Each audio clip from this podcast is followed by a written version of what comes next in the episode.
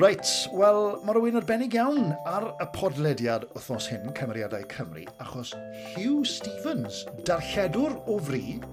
Nawr, Hugh, croeso ti gyda'i gyd. Um, o, oh, diolch. Helo, Chris. Gwedda fi, Hugh, wyt ti? Fi'n clywed yr arar yn canu'n bert fyna. Hugh, wyt ti? Fi yn, um, fi yn suburbia Caerdydd. Fi'n fyw o'r suburb. Fi yn yr Eglwys Newydd chi'n clywed adar, uh, dosbarth canol Caerdydd yn tweetio. A, a, a falle bych chi'n clywed tren yn mynd heibio fyd. Um, Mae'r Valleys Line yn mynd heibio'r tŷ, mynd lan i'r Honda fan hyn. So chi'n chi mynd o...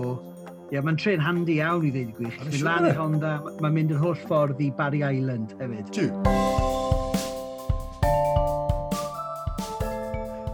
ti'n ti ti siarad am Gardydd, fi'n gwybod bod ti'n gyrol old boy born and bred y bethau, ni'n mynd i siarad am Gardydd yn hwyrach mlaen. Fi'n mynd i roi fath o quiz i ti'n hwyrach mlaen, okay, am Gardydd. Oh, Okay. So fi, fi'n siŵr fyd ti ateb yna, ond yn amlwg fi eisiau siarad am bach o bob peth. Nawr, Hew, yn 1999, os fi'n cofio'n iawn, am sydd ti'n 17 sydd yn anhygoel, really, nes ti ymuno a Radio 1, a fi'n mynd i alw yn Radio 1, okay, achos Radio 1 o pam yna bod e.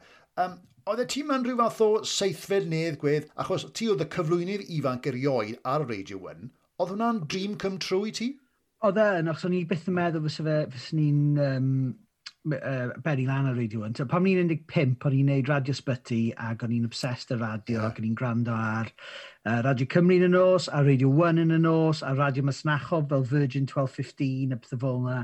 Ac, so, ie, yeah, just nath y byth croes i meddwl fi, really, bod fi'n mynd i benni lan ar gosa fel Radio 1, ond on, nhw'n dechrau rhaglenni yng Nghymru, ac nes i a Bethan Elfyn benni lan yn cyflwyno'r rhaglen yma, bob nos iair, enw The Session in Wales. Ac o'n nhw moyn rhywun ifanc oedd gallu mynd i gigs a oedd yn gwybod am gerddoriaeth o Gymru ac oedd yn angerddol am music Cymraeg yn y ddwy iaith. Mm. Felly, ie, yeah, o'n i'n lwcus iawn to, cael y job um, mor ifanc. Achos yeah. bwriad fi oedd mynd i'r coleg, o'n i'n mynd i fynd i astudio cyfryngau yn Bangor. A be o'n i'n moyn... Yn y normal, yeah, na'r yeah, plan. Ie, lle i, lle i. O, na ti, ie, ie.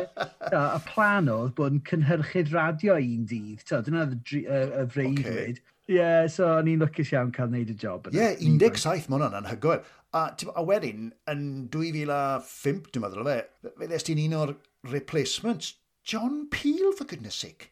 Nawr, dwi e ddim yn dod yn fwy adnabyddus na hynny, we, really. Wel, ni gyn gwybod nath John Peel farw, a fi'n anghyffyrddus gyda'r uh, ta'r term replacement, achos y gwir yw to, oedd e'n irreplaceable. Ie, yeah, digon teg. Yeah. one-off. Ond oedd yna'r aglenni oedd angen dod mewn i'r slot yna, so wnaethon nhw ofyn i tri, ond so nath i e gymryd tri DJ i fod yn cyfro y bass o beth, a wnaethon ni ddim hyd yn oed o'n agos o'n credu i'r bass nath John Peel gyrraedd. Oedd John Peel yn chwarae popeth, um, oedd e'n hoffi, popeth oedd e'n meddwl oedd yn dda So nes i Rob the Bank a Ras Rasquami cael yn gofyn i wneud rhaglen yr un, ac oedd hwnna'n... Oh. To, just i, i, i naw, o'n i'n nabod John Peel dipyn bach, o'n i'n fan wrth gwrs. Sydd fwy oedd e? Sydd fwy oedd John Peel? Beth oedd y pale John Peel gwyd? Wel, oedd e'n fwy diddorol iawn, oedd e'n fwy hyfryd iawn, oedd e'n garedig iawn gyda'i amser e i, i gyflwynwyr, i'w, i'w staff cynhyrchu fe i bands oedd e'n hoffi ac i bobl oedd e'n credu mewn. Oedd e'n,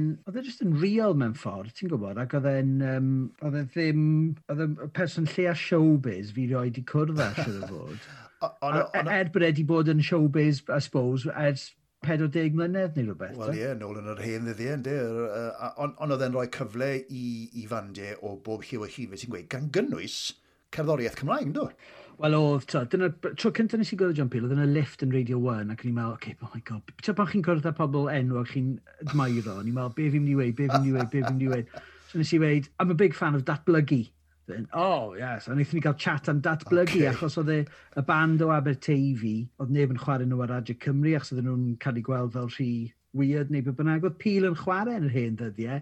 Ac oedd yna cyn fy amser i, wrth gwrs, ond pan o'n i'n tyfu lan, oedd e'n chwarae tystion, band rap Cymraeg, ac oedd e'n chwarae, wrth gwrs, Super Furries a Gorkies a Cotty Monkey. Yeah. Ond bandiau fel Melis a Topper. Oh, right. um, wow. So ie, yeah, oedd e'n chwarae loads o fandiau. Yeah, yeah gret o Gymru. So, o'ch chi jyst yn teimlo gyda John Peel bod e'n ffrind i chi, bod ar eich ochr chi.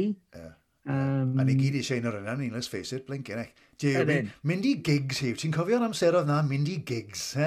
O, Oh, gigs yn greit. Da, fi'n siŵr eithaf yn ôl. Ei, Clyw, gan i mynd nôl then i, i gair dydd. Nawr, oedd cerddoriaeth wastad yn dy deulu di, yn dy fywyd di. Nawr, ni'n ddim yn sylweddoli nes bod fi'n neud bach o ymchwil, a fi yn neud, fi yn neud bach o ymchwil, yw mae, mae dy gemder di oedd Griff, Griff Rhys o, o Super Furries, o'n i ddim yn sylweddoli na.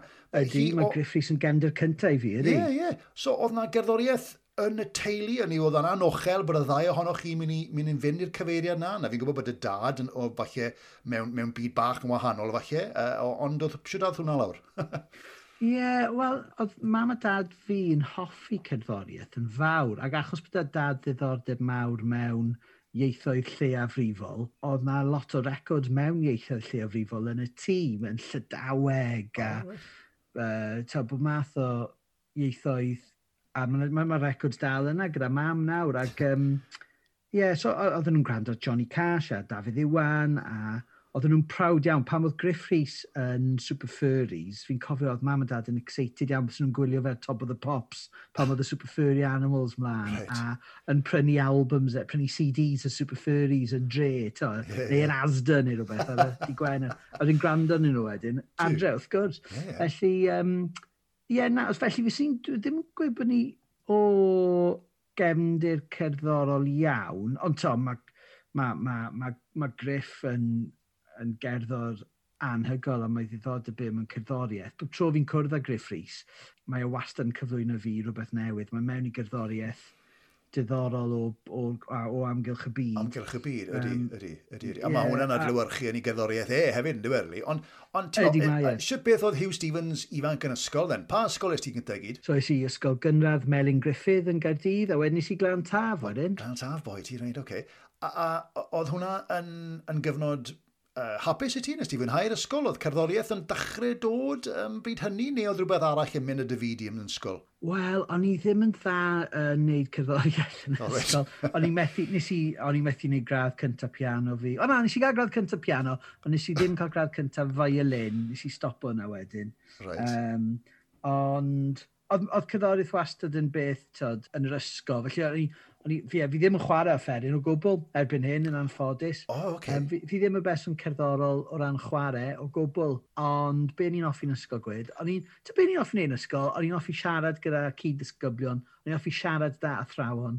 oedd da fi ddim lot o ddiddordeb mewn dysgu, i fod yn onest. Right. Um, o'n i'n hoffi cerdded rownd y corridors.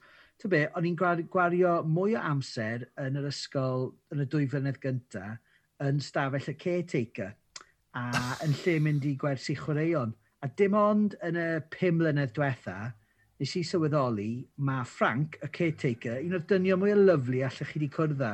Oedd yn gadw fi sten i stafell, o'n i'n bit chips, o'n i'n watcher tennis ar ei teli, o'n i'n sgwrsio gyda fe. Troi mas, mae tad Gareth Bale yw e. Ac o'n i ddim yn gwybod hyn tan tua pum mlynedd. Oh my god. Frank, Frank Bale yw e. A pawb fel, ti'n gwybod mae fi yw tad Gareth Bale? Oedd da fi ddim syniad. Good grief. Um, Ond oedd e'n lyflu, so o'n i'n gweld mwy amser dy fe yn a lot o athrawon eraill, i fod yn onest. Um, ond na, oedd yr athrawon i gyd yn lyflu. O'n i'n joio pethau ni gallu wneud yn hawdd fel pawb o'i sbos yma. Ac o'n i'n yeah, yeah, yeah, dod yeah, yeah. o um, cartredd yn siarad Cymraeg, so o'n i'n joio gwersi Cymraeg. Wel, ie. Wel, ie. Ysdi trwy'r... Ti'n modd, lot mae lot o bobl uh, Cymru Cymraeg yn amlwg yn wedig yn y cyfrangau wedi dod trwy'r yr broses yna o capel, eisteddfod, y fath na, beth oedd hwnna yn y teulu hefyd? O'r, o'n i'n mynd i capel, da mam a bod ydi sil nes bod fi tua 15, a wedyn nath i adlu fi peidio mynd, oedd yn gret. Um, a wedyn, o'n i ddim yn cystadlu yn steddfod, a fi'n rili really ddiolchgar actually, mam a dad, am peidio wneud i fi cystadlu. Yeah. O'n i ddim yn o'n i ddim yn adrodd, o'n i ddim yn canu, o'n i ddim yn cael fy o'n i ddim yn cael fy annog i gystadlu yn y steddfod. okay. Sy'n briliant. Sy'n briliant, ie. Yeah. Ond on fi yn caru steddfod o popeth mae'n sefyll am, a fi'n gwybod bod e'n neud lot o uh, lles i lot o bobl ifanc i gael ei annog i gystadlu, a dyna to, Chi'n gweld yr holl bobl ifanc yma'n endo lan yn y West End a pethau. Yeah. Oh, a maen nhw yeah. gyn gweud, wel, heb yr urdd ar steddfod, ys ni ddim yma. Ie, yeah. Yeah. Mae jyst yn rhan yn atod o'n diwylliant ni'n diwe ac o yeah. fod yn Gymru. Yeah. Ond fe ti'n gweud, nid i bawb allan, ynddo? So... Ie, yeah, na, ddim i bawb. Mae'n bwysig cofio bod er bod mae'r ysgolion, chi gallu mynd, o, mae'r ysgol yma'n dda am chwaraeon, neu mae'r ysgol yma'n dda am um, acade stwff academaidd, neu mae'r mm. ysgol yma'n dda am perfformio. Ond actually, dwi ddim yn, dim dyna prif pwrpas yr ysgolion, ac fe, dyn nhw ddim yn just yn ysgol i chwaraeon, neu ddim just yn ysgol. Mae'n loads o blant yn mynd i fynd trwy'r system. Yeah sy'n gyda diddordebau hollol bonkers a hollol gwahanol i'w gilydd, felly mae angen yeah. cofio yna, I suppose. Wel, os mae, mae hwnna'n ddadl arall yw, felly mae mae'r trwy'r dydd yn siarad am hwnna. Um, cyn Radio 1 wedi, ti di, ti di sôn yn gyflym iawn, nes ti wneud uh, um, Radio Sbyty, na nes i Radio Sbyty yn uh, o, um, glan gwili yn Garfyrddin, ni siarad okay. blynyddoedd mawr cyn ti. Ond nes ti weithio fyna fe, fel, fel cyflwynydd, fel DJ, yn radio lle oedd yna yn gydydd? Ie, yeah, Rookwood Hospital. Rookwood okay. Hospital. Ofen, ie. Yeah. Mae lot o bobl wedi ddechrau, wrth gwrs, yn y byd yna. Ti'n ma'n feddwl am, am pobl enwog dros ben sydd wedi ddechrau fel, fel DJ yn, yn, yn Radio Sbyty. Ti'n falch bod ti wedi gwneud yna? Oedd e'n brofiad, oedd e'n sylfaen da i unrhyw un sydd â diddordeb yn gwneud fath o beth ar y radio, gwyd? O, oh, mae'n ffantastig. Dwi e ddim ond yn digwydd wir ym Mhryden fi'n credu Radio Sbyty. Dwi e ddim yn byth oh, o, arferol yeah. mewn gwledydd eraill, ie. Yeah. Ond mae e yn... To, fi'n annog unrhyw un sy'n gyda diddordeb mewn radio. Os ond pa mor hen i chi i wirfoddoli yn eich radio sbyty lleol. Ac dyna be nes i pan o'n i tua 15. Nes i wneud y trwy Duke of Edinburgh Award. Oh, right. Ie, yeah, o'n i'n mynd i uh, clwb ieuenctid yn yr Eglwys Newydd ac oedd y Duke Edinburgh Award yn digwydd, then who wants to join? A nath loads o ffrindiau fi wneud, so nes i ofyn os o'n i'n cael, a Mam a dad adael fi, and I think, what do you want to do? And i fynd, I want to go into radio. A mi wnaethon nhw gael slot i fi yn um, Radio Sbyty, so o'n i'n gwrfoddoli na bod bod i sadwn, bod bod i mawth, ges i rhaglen blwyddyn y ddiwedd arach, unwaith yr wythnos. A o'n i wrth fy modd, achos chi jyst yn dysgu. Yeah. A dyna gyd yw radio, fel unrhyw cyfryngau, really, yw dysgu ar y job. Yeah. A just dal i ddysgu a cael loads o profiad. Maen nhw'n gael fe'n e-miles yn dyn nhw, Chris. Oh, yeah. Lle chi just ar yr awyr a chi just gorfod just dysgu siwr i llenwi amser. Yeah. Oh, sicr. Pryd, yeah, pryd i beidio siarad fath yna beth. Ie, yeah, ie. Yeah. On, i wastad yn cael ar y gyfer neb yn gwrando arna i. O ti'n cael hwnna? No? O, os yw'n actually gwrando arna i? o, fi dal, fi dal yn cael hwnna. fi'n cael hwnna yn aml bob wythnos. Ie, ti'n cael teg, ti'n cael teg. Tom, says ti i, i radio... Oh, fi'n mynd i radio 1, sorry, Radio 1. Oedd e ti yn teimlo'n gyffyrddus? O ti'n teimlo yn fish out of water braidd? Sut ges ti ddigroesawu i bethau? Oeddet ti'n meddwl... Wel, o'n i'n ifanc cofia, o'n i'n 17-18, yeah, yeah. a pam chi'r oedran yna, chi, mae da chi rhyw fath o, fi'n meddwl bod chi, chi beth di wneud yn y byth fel un o blaen, so sta chi ddim profiad i gymharu ag gyda, so nes i just go for it, do, ac oedd Bethan Elfyn yn cyd cyflwyno dy fi yn Radio 1 pam ni'n dechrau, so oedd hi'n um, ta, ffrind ar yr awyr, so wnaethon ni just cael laff a joio fe. Yeah. So, o'n i sort of yn teimlo'n fish out of water, ond mewn ffordd da, achos fi wastad i teimlo, I suppose, bach fel yna. Mae'n chi just fod yn gyffyrddus gyda llais chi'ch hunan, a mae'n chi just ffind o llais chi'ch hun, fi'n credu, pan chi yeah. ar y radio a gweud, wel, dyma fel ydw i, just crack on, really. Ie, yeah, ie. Yeah. Mae'n chi cario ymlaen. Ond dathen nhw mewn â chi am reswm arbennig, do hynny yw, i, i, i glodfori, os le gyd i gair, cerddoriaeth Cymraeg, de, hynny fi'n gweud Cymraeg, yn y ddwy iaith yw, neu, neu just yn, yn Saesneg? Rhan fwyaf yn Saesneg, yeah. ond yn sicr oedden nhw moyn adlywyrchu y sy'n iaith Gymraeg hefyd a, Radio 1. So oedd hwnna'n beth huge, achos, fel ti'n gweud, oedd John Peel yn chwarae band iaith Gymraeg, a weithiau bys Steve Lamac a Joe Wiley yn ar yr evening session, ond dim i'r fath raddau oedd y rhaglen yma yn. Right. Lle fysyn ni'n cael sesiwn weithiau gan band fel gweud Zabrinski, a fysa hanner y tracks yn Gymraeg, hanner yn Saesneg. Um, oedden ni'n gallu chwarae tracks iaith Gymraeg a Radio 1. Um, a ie, yeah, ti'n iawn, dyna pam nath y rhaglen gael ei ddechrau. Cofio, oedd e 1999, so oedd e adeg sefydlu y cynulliad Cymraeg. Oh, yeah, yeah. Oedd e adeg datganoli. So, oedd na teimlad o fewn y BBC, fi'n meddwl, bod angen adlywyrchu beth yn mynd ymlaen dros Bryden. Ah, so, ar yr okay. un pryd ar rhaglen ni, oedd yr Alban a Gogledd Iwerddon yn cael rhaglen ni hynna'n hefyd. Right. So, oedd e'n gyfnod cool Cymru, I suppose, yn dod e? So, felly oedd e'n rhan o'r holl broses oh yna, oedd? Oedd, oedd. So, ie, yeah, yn union. So, dim just thing gwleidyddol oedd e. Oedd bands fel Stereophonics, Manix, yeah.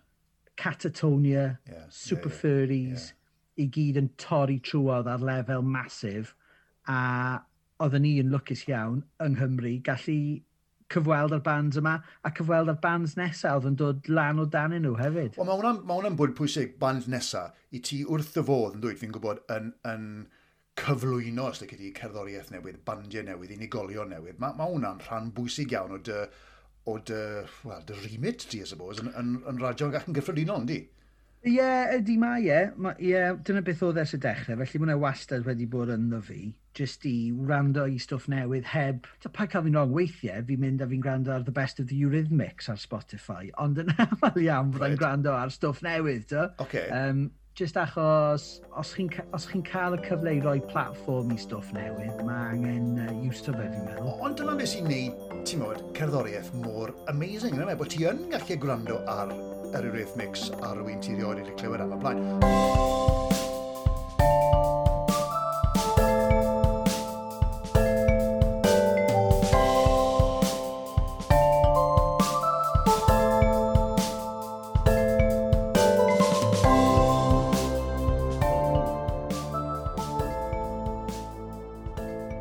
os na rhyw fath o gerddoriaeth, bydde ti really, really ddim eisiau gwrando ar... Hynny yw, ti'n ti heavy metal fan, o ti'n... Ti no, bydde ti'n gwrando ar ACDC, bydde ti'n gwrando ar whatever. Yeah. A neu os rhaid i ti gael rhywbeth newydd drwy'r amser. I fy rhaglenni radio i, fi'n deddwl o rando ar stwff newydd.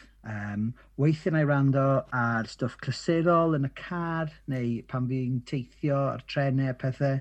Um, ond os chi'n hoffi cerddoriaeth, os ydych chi ddiddordeb mewn scenes Newch chi just fynd a teithio a gwrando ar bethau. So weithiau na i just fforso fy hun i rando ar beth sy'n trendo ym Mhryden yn y top 40 ar Spotify. Just i glywed beth sy'n rhif un.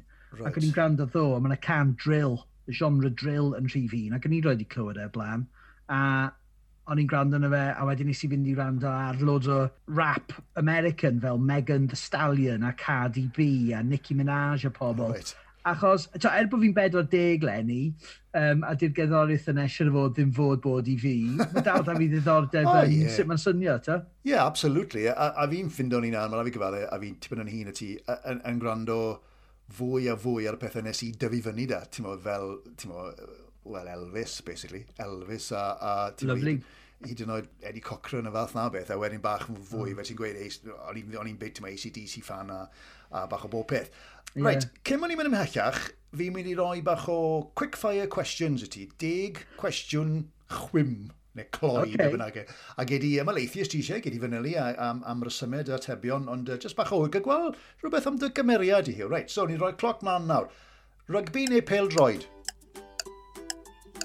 Ooh, oh, hello, Hew, Hew. Quick fire questions, you know. There's a lot. Okay, Go on. Gam, gam yr euros yn dod lan, I wei pil droid. Ond tyfe, fi'n licio, fi yn joio'r ddau cystylau gilydd, mae'n rhaid fi wei. Oce, okay, wel gam y ti'n nabod tad Gareth Bale, fi'n cael ei mae pil droid yn y ti'n gweud yn syth. Um, Wyt ti'n berson gwydr hanner llawn neu gwydr hanner gwag? O, oh, hanner llawn, mae'n rhaid chi fod yn dos, neu fysa fe'n too much, bydde. Bysa fe'n depressing yn ferro, fysa ti nawr. Rhaglenni dogfen neu bach o reality, ti'n mo, bach o sort of o, os fes rhaid fi ddewis rhaglenni dogfen. Right. Yn sicr. On... So well fi dysgu rhywbeth na byw yn bywyd rhywun arall am awr, ta? Ie, Yeah, oh god, ie. yeah. Gwyn gwyn neu Gwyn Coch? Ww, um, Gwyn Coch, ond ddim mynd yfed ers peder mlynedd. O, oh, oce, okay. right. So, ond weithiau fi yn mynd, ww, so gwyn coch yn neis nawr. Gai ofyn i ti beth oedd y reswm yn byd o yfed? O'n i'n just yn bod o yfed, i fod yn onest, ac o'n i'n gweld bod fi'n yfed mwy a mwy, a oedd y hangovers yn mynd o waith wrth i gyda yeah. 40. Yeah. So ni'n meddwl, ti'n beth, falle na just stopio. A mae wedi bod yn lot haws e stopio. O, dwi'n wir, diw. O, mae'n ddiddorol. Mae'n haws yn, yn ba ffordd, hyn, dy fywyd i gyffredinol, neu? Ie, yeah, ydy. Achos da, fi ddim hangovers, fi ddim yn poeni am beth fi wedi wneud, fi ddim yn meddwl am y drink nesa. Okay. A fi jyst yn lot fwy lot mwy... Um, Chilled? Llyfn, straight, ie. Yeah. Yeah, yeah, yeah. As, as beidio fed, ie. Yeah. Okay, okay. Um, Beth yw dy... Os os oes gyda ti un, beth yw dy wendid fwyaf di? O, um, fi'n naturiol yn eitha diog, mae'n rhaid i gyfadde. fi'n hoffi wneud dim byd. Os fes ni'n cael ffordd, fes ni'n just wneud dim am y dydd. Really? Oh, Wel, mm. yn hynny o beth e, yn, y cwestiwn nesaf yw, ti'n berson bore neu berson nos? O'n i arfer bod yn berson nos, ond ers cael babi bach sydd yn dair a hanner nawr, fi'n right. definitely person bore. Dim lot o ddewis, ti os ar Uh, cwn neu cathod? Cathod mwyn unrhyw beth. Stan i ddim yr un un. Stan i ddim un ca, ci neu cath. Okay. Ond, oedd arfer bod cath dyn ni'r enw Ponti, achos o dad yn dod o Pont Prif, so Ponti. O, oh, enw da, enw da am gath. Uh, gwledydd poeth neu gwledydd oer? Fi'n offi dynasoedd oer. Fi'n offi oh, right. New York a Llundain a Paris. Right. Mwy na um, sa'n gwybod. Barcelona. Ba o, oh, oh, cofio, fi'n caru Barcelona. Yeah, yeah, mae Barcelona neis. Nice. Yeah. Ydw. know, I oh, okay. Beth am um, te neu coffi? Caru coffi. A fi'n gwybod bod ti'n bach, ti'n ti bach o aficionado am coffi. Ti, ti, fi wedi gweld rhyw erthigol ynglyn â uh, ti'n tywys pobl o gwmpas Cardydd ac yn uh, gweithio nhw fynd i lefydd arbennig yng Nghydydd am y coffi na. Na, fi ddim yn coffi snob, ond on, os oes yna coffi da ar gael mewn caffi, na i fynd amdano fe. Um, o'n i yn Abertawe wythnos yma, a o'n y caffi newydd o'n nhw base camp wedi agor, bwys y gorsaf tren, oh, right. ac oedd yn neud coffi anhygol. A, a mae yna loads o lefydd cool coffi yn Gerdydd fel hard lines, a cwbl lefydd yn drefyd. So, yeah. uh, ond cofio, nes, o'n i'n joio paned o Nescafe Gold Blend wrthnos diwetha, Chris. O ti? Oedd e'n really nice. O, na, na, allai, allai bethau efo yn ystod fyna fi gyfal. Mae'n wrthwn yn real snob nawr, rai. Um, na, fi'n siŵr bod ti wedi bod yn pob fath o bartis, ond beth oedd y parti, neu beth yw'r parti gorau erioed ti wedi bod yn nhw? Ww, parti gorau erioed. Um... Ti'n rhywbeth yn dod i'r cof yn syth. Ie, yeah, parti gorau... Wel, nes i gael parti pen blwyddyn 30 deg mlynedd yn ôl, ac oedd hwnna'n gret, oedd e'n lot o hwyl. Nath y band surf rock o'r enw Y Newl Chwarae, oedd yna buffet lyflu, oedd yn teulu a ffrindiau gyd yna, oedd yna'n un da. O, oh, os yna'n gret i. Pwy oedd dy childhood crush cynta di? Debbie McGee. Debbie, Debbie McGee? Ie, yeah, achos o'n i mewn i Magic 12, Right. A o'n i'n obsessed gyda Paul Daniels. Okay, okay. Ond nawr fi'n meddwl am y peth, oedd y ffaith bod Debbie McGee ar y teli bob nos sadwn fyd, siwr o fod yn helpu. Ie, yeah, a mae wedi bod ar y teledu yn weddol diweddar a Strictly Come Dancing, e'n nhw, do? Ah, do, oce. Okay. Yeah. okay. Pryd oedd y trwetha nes ti grio? O, na gwestiwn da. Um, o, siwr o fod yn watch... O, oh, wel, o'n i bron y crio pan mis i gael fy jab, pan mis i gael fy vaccine cynta yn erbyn really? Covid. Be, achos bod ti'n ofne? Na, o'n i sy'n ffindio'r holl beth yn emosiynol iawn. O, oh, right, oce. Okay. Cywo yn y lein i fynd mewn i gael y jab. Gwybod bod to... O'ch chi wedi clywed amdano fe'r newyddion, jabs, vaccines, jabs, vaccines. Ond oedd actually bod yna, o'n i'n ffindio'r broses yn... Ac oedd pawb jyst mor cam a proffesiynol ac oedd chi jyst yn cywio ac yn mynd. Ac o'n i'n... A syniad bod hwn yn rhywbeth o ateb i'r nightmare ni gyd i bod yn byw mewn, yeah. ond ffind y fe'n emosiynol. Ie, yeah, yeah, na mi'n byw ti. Yeah. A dau, um, bach i orffen then, um, naill ai'n byw neu'n farw, hiw, pwy fysa ti'n hoffi eistedd lawr a cael diod a pham? um, ww, na gwestiwn na. Pwy sy'n ni'n hoffi eistedd lawr a cael diod gyda... Fysa ni'n hoffi cael awr yn y pub gyda Mark Drakeford. Mae e'n fyw, mae e'n fyw, e? yn dweud. Mae'n iasgyf, mae fyw, ie. A gael ofyn, beth sy'n ti'n dweud wrtho, Mr Drakeford? Wel, fyswn ni'n hoffi cael chat, ta pan chi'n gweld rhywun ar y teledu ar y newyddion, fyswn ni'n eisiau gweud yn byd wrtho fe, fyswn ni'n eisiau fe weithio fi. Okay. Chi, pan mae pobl yn ateb cwestiynau, um, journalists ar y newyddion, yeah. mae o wastad am pedwar munud, a mae e'n set, a mae e'n cwestiynau gwleidyddol, yeah. hollol proffesiynol dim dyna'n siwr mae pobl yn siarad mewn bywyd go iawn, nag yfe? Na, na, ti'n iawn, ti'n iawn. Fes i'n offi clywed pobl okay. fi arfer clywed yn ateb cwestiynau, ddim yn gwerthu hynny, ddim yn neud pethau am yeah. stwff gwleidyddiaeth. Bod nhw'n switch off yn bod yn gwleidyddiwr a just, just fel person, mae ti'n gweud. Ie. Yeah. Um, yeah. Chi ti weithio fe gael jacket newydd, mae jacket e byth yn ffit o fe. Ond fe. A'r cwestiwn ola, pryd oedd y trwetha nes ti ddawnsio? Ww, cwestiwn da. Wel, fi wedi dawnsio dipyn dros lockdown gyda fy mab i fel Lion King, Hakuna Matata, oh, right. uh, I Just Can't Wait to be King, a pethau fel yna yeah. mae'n uh, Morgan Elwy, bach o bach o hwnna, ah, can cool. Page Can i Gymru. O, mae Morgan wedi bod ar y podlediad yma. O, okay, ie, yeah, so ni'n dawnsio i pethau fel yna.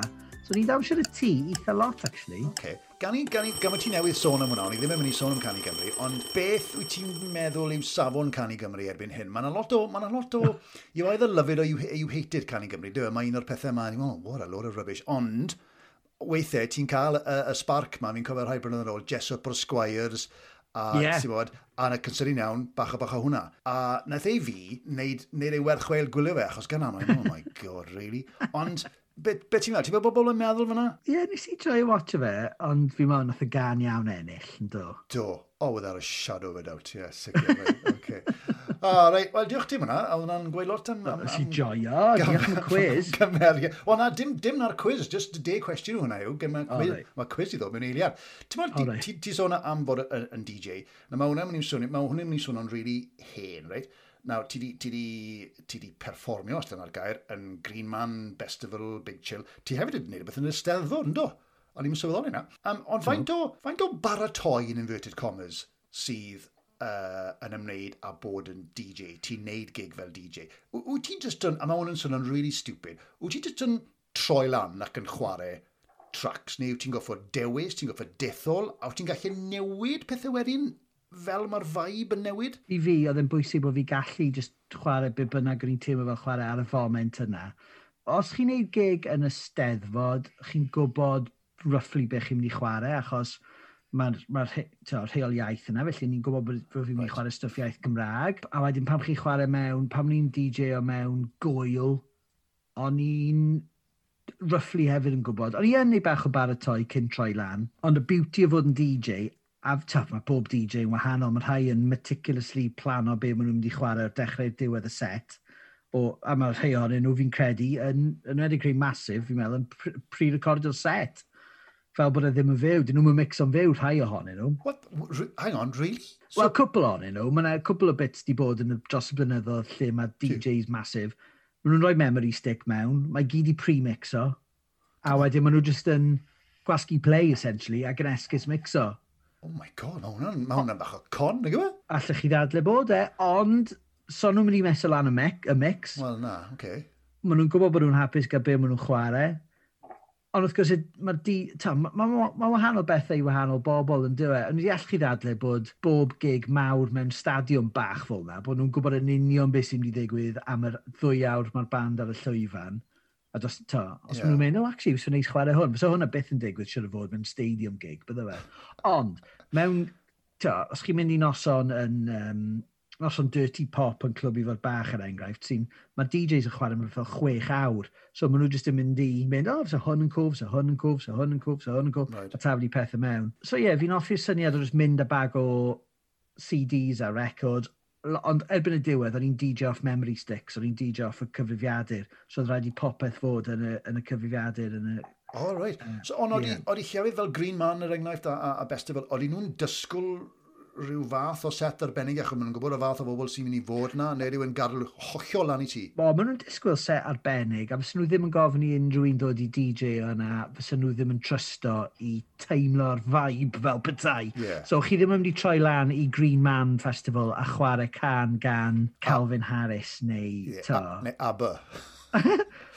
Wel, well, ti'n gweud ddim ABBA, oh. falle fysa ABBA yn gweithio, twel, okay, achos, yeah, yeah. achos dwi'n meddwl mae rai chi o bod pwy yw'ch cynulleidfa chi. Yeah, a mae rhaid yeah. i nhw trystio chi, a mae rhaid i chi trystio nhw. So os fysyn ni yn drop yeah. o Mamma Mia gan Aber, falle fes fe mynd lawr yn eitha yeah, da. Yeah, actually, yeah. wedi'n meddwl, ie, yeah, a mae pawb yn gwrdd amdano fe. It's almost, e, e, mae fe'n ma fe cool, mae fe'n retro, ynddi, mewn ffordd, ynddi, ti'n mo? Na'r peth, ie. Yeah. yeah. Achos na'r peth am music, fe, mae'n gymaint o'n fe mas na, so pam ti'n gofyn fi gynharach be ti'n gwrando ar, fel ti, fi'n gwrando ar bach o, bibyn, well, bach o bach o hynny, fe. Ma, ma, yeah. Chi jyst yn dilyn y vibe yn dych chi, a yeah. weithio chi'n meddwl, actually fi mo'n gwrando ar podcast nawr, neu actually fi mo'n gwrando ar rhaglen radio, neu fi mo'n gwrando mm. ar playlist rhywun. A, so chi'n gallu mynd o bod math bethau. Ma, fi'n licio hwnna mewn DJ set hefyd. Hoff DJ set fi yw pam dim rhaid chi'n neud i bobl dawnsio. Oh, right. Just music sy'n mlaen yn y cefndir bron. Bod pobl gallu just gwrando ar. Fi'n licio'r syniad o peidio meddwl, mae rhaid i hwn fod yn upbeat, neu mae rhaid i hwn fod yn boblogaidd. Mae rhaid i just... Ond nag yw hwnna, doesn't that defeat the object? Wel, uh, dim os chi'n DJ yn gynnar yn y dydd, oh, okay. Ah, neu right. os chi'n man yn y pnawn, fel hanner dydd, neu dau, neu tri, neu pedwar, neu 5 y pnawn, Fi'n meddwl bod yn wahanol i DJ o 8-90 blwch yn ôl, lle mae pobl moyn mwy o dans. Moyn mwy o dans, a ie, oce. Oce, o diolch, diw. Be fi'n gweud yw, peidiwch bwcio fi DJ'ch priodas chi. Fi neb yn danso.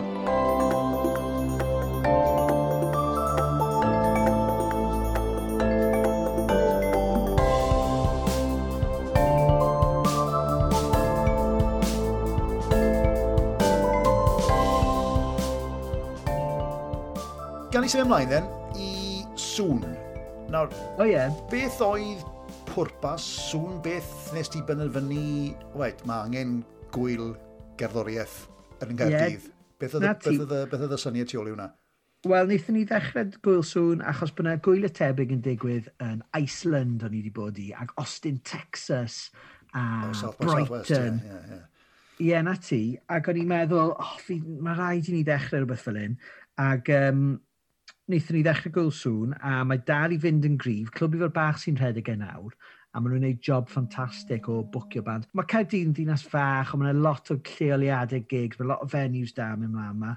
So, o'n i moyn wneud gwyl fel yna, really, ac o'n i'n hoffi trefnu pethau. Fi'n meddwl bod chi'n ffindo, os chi fel fi, methu chwarae y fferin, a methu wneud music, ond really hoffi music, chi'n endo lan yn cyflwyno a trefnu pethau. Trefnu pethau, ie. Yeah. A na le ti wedi ffindio'r un yna mewn ffordd. Ti'n gwybod, mae clwbi fel bach yn rhan bwysig iawn o, o fywydau wel, sa'n ni'n meddwl lot fawr, canodd os na miloedd o, o, o Gymru Cymraeg yn sicr yn Gyrdydd, fi'n gofod, ti'n meddwl, ni'n albynyddoedd yn ôl, ond erbyn hyn, fe ti'n gweud clwb i fod sy'n cynnal y, y rwyl, a os dwi'n iawn, mm -hmm. ddim yn clwb i fod nes ti gyfafod y roig? Ti'n iawn, ie, yeah, ar y llawr gwylod, oedd ffrind fi Wally yn gweud, mae'n dod ar Iwerddon, Owen Walsh, ac oedd yn gweud, ah, mae, uh, mae ffrindiau fi'n dod draw ar Iwerddon, ti eisiau dod mas? O'n i'n fel, o, oh, to bit, dim diolch, fi ta wedi blino, a wedyn nes i, oce, okay, na i ddod mas, a nes i ddod mas da Wally a'i ffrindiau ar y werddon, aethon ni i fo bach llawr gwylod, a nes i gwrdd a Sara o Dregaron ar y llawr gwylod. O Tregaron, o, i. Ie, fi gwbo! Oh, wow. Ag, um, a wnaethon ni briodi wedyn yn Tregaron, dim yn syth ar ôl cwrdd, obviously, yn y bach o gap, y deg mlynedd neu rhywbeth, dyna lle nes i gwrddau. Ar ôl gadael uh, Radio 1, hynny yw, ti, ti dal yn gwneud gwaith, dwi'n meddwl, ar Six Music o hyd yn ti, ond erbyn hyn, ti, ti ar Radio Cymru. Ydw, ydw. a fi wedi bod yn Radio Cymru ers fel i gymlynedd. Fi wedi bod yn ei taglenni nhw ers, ers y dechrau bron, ie. O, oce. Ydy hynny yn, yn broses gwahanol, ydy yn vibe gwahanol i fod ar Radio 1, Ydy ti'n cael fwy o ryddid, neu ti'n teimlo bach fwy o gyfrifoldeb, falle mae Cymro Cymraeg ar ein gorsaf cenedlaethol ni. Fi'n cael ei wneud rhaglenni ar Radio Cymru, a Fi wastad wedi cael rhyddid i chwarae be fi eisiau. Um, a ie, yeah, mae'n neis cael chwarae lot, tyd, wir mewn mewn, ni'n ni, ni, ni cymryd cerddoriaeth o ddifri ar Radio Cymru. Yn wedi yn y nos gyda rhaglenni cerddoriaeth newydd, ni gyd yn cymryd cyfrifoldeb o chwarae artistiaid newydd a cefnogi nhw a gobeithio gweld oh, nhw'n mynd mlaen i headline o maes B neu chwarae'n gwyliau yma dros Gymru. To. A, a, a hefyd mynd â nhw i gwyliau fel Glastonbury ac i Reading. To. Mae Tsunami a Georgia Ruth wedi chwarae Reading a Glastonbury trwy cael cefnogaeth gan Radio Cymru. Oh, so, right, okay. Mae pethau fel yn really bwysig a Ie, yeah, fyswn ni... Fi'n neud y rhaglen o fan hyn, nos iau, o fy atic yn Gaerdydd, yn fyw o'r atic, achos ers Covid. Of gwrs so ni wedi cael mynd mewn i'r studio. So mae'n neud o adre wedi bod yn neis hefyd. O, oh, ie. Yeah. Okay. Ti'n agor y ffenest a clywed yr adar yn, yn canu wrth ti'n gyflwyno? Ydw. A'r tref. Ydw. A pam oedden ni'n gyn clapio'r NHS am 8 ar nos iau, o'n i ar yr awyr, so o'n i'n agor y ffenest ac o'n i'n clywed pobl yn clap ar y stryd. O, clasic. Ti'n meddwl sy'n gwneud beth yn wahanol, ynddi? Mae hwnna'n ma hwnna briliant. So, gam o'n i'n siarad am gerddoriaeth Cymraeg, then, right? Um, cwestiwn bach, wel, dadleol falle weithiau. Beth yw, beth yw safon cerddoriaeth Cymraeg erbyn hyn. Ydy e'n ydy dda? A hefyd, os na ormod o sylw falle, oedd e'n rhy Cardiff-centric, neu os digon o gerddoriaeth, os digon o fandiau, os digon o dalent dros Gymru gyfan? o, diddorol, ie. Yeah, um, mae yna mae yna ma, ma siwr o fod mwy o gerddoriaeth iaith Gymraeg, swn i'n gweud, yn dod o'r gogledd na o unrhyw le arall yng Nghymru. Um, mae hwnna siwr fod achos bod yna fwy o bobl ifanc cerddorion talentog yn siarad Cymraeg yn y gogledd, sy'n ni'n meddwl. Um, yes, ond yeah. mae yna lot o fandiau ledled Cymru, actually, a mae yna lot o gynhyrchwyr diddorol, pobl fel Shamonix ag Endaf, Ruffian yn based yn Gaerdydd. Um, mae da chi lot o, dros, dros Covid, mae yna lot o gydweithio wedi bod yn digwydd dros y we lot o bobl yn Insta, Insta DM-io i gilydd, fel yeah. o ti a fi wneud cyn y cyfweliad yeah, yma, DM-io pobl, ac yn cydweithio ac yn creu tracks. Felly, mae ma rhaid fi wedi, mae safon cerddoriaeth iaith Gymraeg ar hyn o bryd yn arbennig o uchel. A mae'r tracks yn cael... Mae ma DJs yn chwarae'r gerddoriaeth iaith Gymraeg ar Six Music. Mae Gideon Cowan yn aml. Mae Mark Riley yn. Felly, wrth gwrs, fi yn pan fi ar Six hefyd. So, mm. fi'n mynd gwrdd os di hwnna. Fi'n mynd bod achos bod mae ma recordio yn haws nag erioed gyda gwahanol setups yeah, ar laptops. Yeah, yeah. A, a mae ma, ma cerddorion jyst yn buddsoddi amser mewn studios hefyd, fel mae studio sain dal i wneud pethau ffantastig yn y gogledd a mae ma pobl yn cymryd i cyddoriaeth nhw o ddifri, a felly dyna pa mae'r safon yn uchel. So, yeah. a fes ni yn gwybod, ond on fi reit wrth ymyleth, gwrs, o fi chwarae tracks Cymraeg bob wythnos ar Radio Cymru, ond mae'r safon yn spectacular hyn o bryd. Yeah, o wir yn. Fi'n fi, credu, ti'n mo'n i'n wneud ar uh, Sain Abertawe am brynyddoedd, a yr amrywiaeth oedd yn cael fi. Fe ti'n gweud, mae'n lot fawr o fans yn, yn Gymraeg yn y gogledd, ond mae'r amrywiaeth o Welsh Whisperer, i, i, i rhywbeth hollol, hollol wahanol, de, and everything in between. Dyna beth oedd yn hmm. cael fi. Ond felly, yn hynny o beth bethau, ydy Cymru yn cael ei gweld fel lle da, yma hwnna'n gwestiwn gwirion falle, ond beth yw feddylrwydd pobl tu allan i Gymru o Ydy, ydy Cymru still yn cael ei weld fel Land of Song, hynny yw Corey a, a, a, Tom, a Tom Jones, neu os na, mae na, ma na, ma na mae yna bobl yn gwybod, ie, yeah, mae yna ma lot fwy i Gymru a cherddoriaeth Cymraeg na Tom Jones. Um, Dyma ni pwy chi'n gofyn ni, ond fi'n meddwl, o, fi'n meddwl bod ni wedi hen adael yr um, stereotype o just Tom a just Shirley mm. a just Cora Meibion. Diolch i bobl fel Super Furries, diolch i bobl fel Gweno, Nath Gweno gael argraff masif gyda'i albums hi yn y Gymraeg, a wedyn un yn Gyrniweg, wrth yeah, gwrs. Yeah. A pobl fel uh, nain bach yn mynd â'i cyddoriaeth gwerin oh, yeah, rownd y byd. Yeah, yeah. Um, a achos bod yna gymaint o labelu annibynnol bach yng Nghymru yn neud stwff diddorol trwy'r amser, mae'r ma ma bandiau yna yn to, torri trwodd ar wahanol lefelau a mae traciau yn cael argraff. To, fel ti'n gweud, mae'r amrywiaeth yna yn bwysig. Mae yna le i bopeth, to. Mae yna le i'r Welsh Whisperer, ond mae yna le oes. i, i stwff electronica hefyd, a mae yna yeah, le i... Oes, oes um, stwff arbrofol, a mae yna le i bandiau middle of the road. Mae yna le i bopeth. A wrth gwrs, fi'n mynd tuag at y stwff mwy arbrofol a stwff mwy tanddearol yn naturiol, ond dim byd i weid bod hwnna methu torri trwodd chwaith i fod yn dros ta yn, yn, yn, i gael mwy o gynulleidfa. Ok, yeah. ti wedi chwarae um, hanner pei erioed? Fi wedi chwarae hanner pei fel band o gair dydd, oh, do, do, do, Mae Un o ffrindiau fi yw'r drummer, Geraint, Geraint, Geraint Francis. Oh, ie, yeah, uh, great. Wel, fel pawb yn Nghymru, mae pawb yn abod pawb, so fi'n abod Geraint, wrth gwrs, achos o'n i'n ysgol greu frawd e Tristan. O, oh, ie, fe ti'n gweud, mae Cymru rhi fach weith, ni, mae pawb yn abod i gilydd. Yes, Ond, mae hwnna'n dda fi'n credu, achos mae pawb yn abod i gilydd, pretty much, a fi'n offi, fi'n fi, fi, fi, fi, fi meddwl, dim ond lle chi'n mynd yng Nghymru, chi gallu ffind y pobl sy'n abo pobl sy'n abo pobl sy'n ffindio i'r hein. A mae hwnna'n ffantastig, dwi'n meddwl. Fel mae'r gêm yna o, o mynd o un band i'r llall, a siwyd maen nhw'n abod i gilydd, siwyd maen nhw'n perthyn, yeah, a'r yeah, cerddorion. Yeah. A, a mae hwnna'n yeah. fascinating. Fel, mae yna ma pizzeria bwys lle fi'n byw, o'r enw Pizzeria Villaggio. O, oh, fi'n gwybod, ie. Yeah, yeah, yn Eglwys Newydd, dyna lle fi'n cael takeaway pizzas o, a Marco sy'n rhedeg e, mae frawd e yn bassist sy'n byw mas yn Los Angeles o'r enw Pino Palladino, a mae wedi chwarae gyda The Who, yeah, a, a D'Angelo, a mae newydd rhai album anhygol. So mae yna ma gysylltiadau, oedd efo chwarae gyda Geraint Jarman, so pan ni'n siarad â Geraint Jarman yn tafwyl, oedden ni'n siarad am Pino, a wedyn mae mab yng nghyfraith Geraint yn gweithio yn y pizzeria, pad, Uh, so mae'n gysylltiadau bob man, a mae'n neud ni'n... Fi'n gwybod bod Cymru'n fach, yeah. ond fi'n licio ffaith bod pawb yn abo pawb. Tiw, tiw, jiw. Ti'n ti hollol, hollol e, mae pawb yn abo pawb. Gweithio ni'n gyflym iawn de, um, am Anarac. Ti nath gynhyrchu, ti nath ddyfeisio ffilm fer Anarac? Wel, fi oedd, fi oedd yn, yno fe, Griff Davis oedd y cyfarwyddwr, a fe, syniad fe oedd e, right o wneud ffilm am Gymru ac am uh, ein cerddoriaeth ni a'n iaith ni a sut mae'r ddau beth yn gweithio a'r tirwedd hefyd a'r lleoliadau yn hygol mas da ni. So ie, nath e ennill pedwar BAFTA Cymru, um, nath e gael ymateb anhygol, gobeithio ddeith y mas eto rhywbeth. Weithiau mae S4C yn dangos e, so mae'n byw ar iPlayer wedyn am dipyn bach, ond sy'n hoffi ryddhau e rhywbryd, ond mae yna ma gymaint o gerddoriaeth ynddo fe, mae cael yr hawliau i ryddhau e'n gymleth. Ah, Ond, right. um, yeah, mae'n yeah. ffilm beautiful. Ie, yeah, mae e, fi wedi gwylio fe, fi'n cofio neud trails, mae'n gweithio yn Esbyrau. Gweithio fi'n arre, sydd ti wedi, ti'n bod ti'n gweud bod ti'n uh, recordio y dy sioe neu neud y sioe o adre, sydd ti wedi ymdopi gyda'r cyfnod diweddara yma, yr, yr pandemig yn gyffredinol fel, fel unigolyn, ti'n bod fi'n gwybod bod gwaith falle wedi bod bach yn, yn rhyfedd i, i lot o bobl yn amlwg, ond ti wedi ymdopi, ti wedi copio? O, diolch, um, achos, achos fy ngwraig, achos fy mab, um, a achos bod fi to, yn lwcus i fyw yn un cartre ni, a bod teulu yn agos hefyd, i mam ddim rhy bell. So, to, ni wedi cwpo, diolch yn fawr. Um, chi jyst weithiau meddwl bod chi'n byw mewn ffilm, ynddi chi? Weithiau chi'n deffro chi meddwl, yeah.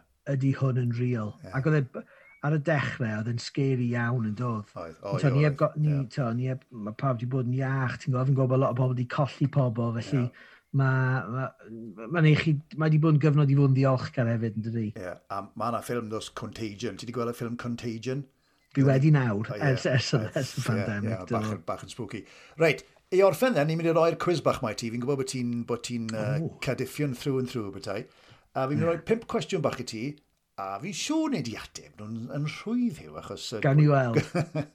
Cwestiynau am, am Gardydd, bach o bob peth am Gardydd. Felly, y cwestiwn cyntaf yw, faint o pubs Weatherspoon sydd yng Nghaerdydd? O, na cwestiwn da. A na i roi dewis ti, 7, 9 neu 11? O, 11. O, y 9 sydd yn o fod. Ife, ife. Oce, um, ti eisiau enwi nhw gyd? Okay, o, na, na, na, iysgwm, na, na, na, na. Ym um, um, ha ran o Gaerdydd mae Carmarthen, Cardigan and Glamorgan Streets. Mm. Efe yn Roth, Rymni neu Canton. Carmarthen Street, Cardigan Street a Glamorgan Street. Canton fi'n meddwl. Canton, ie. Yeah. Mae'n swnio rhywbeth fel Canton, sy'n meddwl i. Dyn nhw'n yeah. gwybod, ie, ie, oce. Ym ha flwyddyn y cwblhaid y baraj, efe 1997, 1999 neu 2002.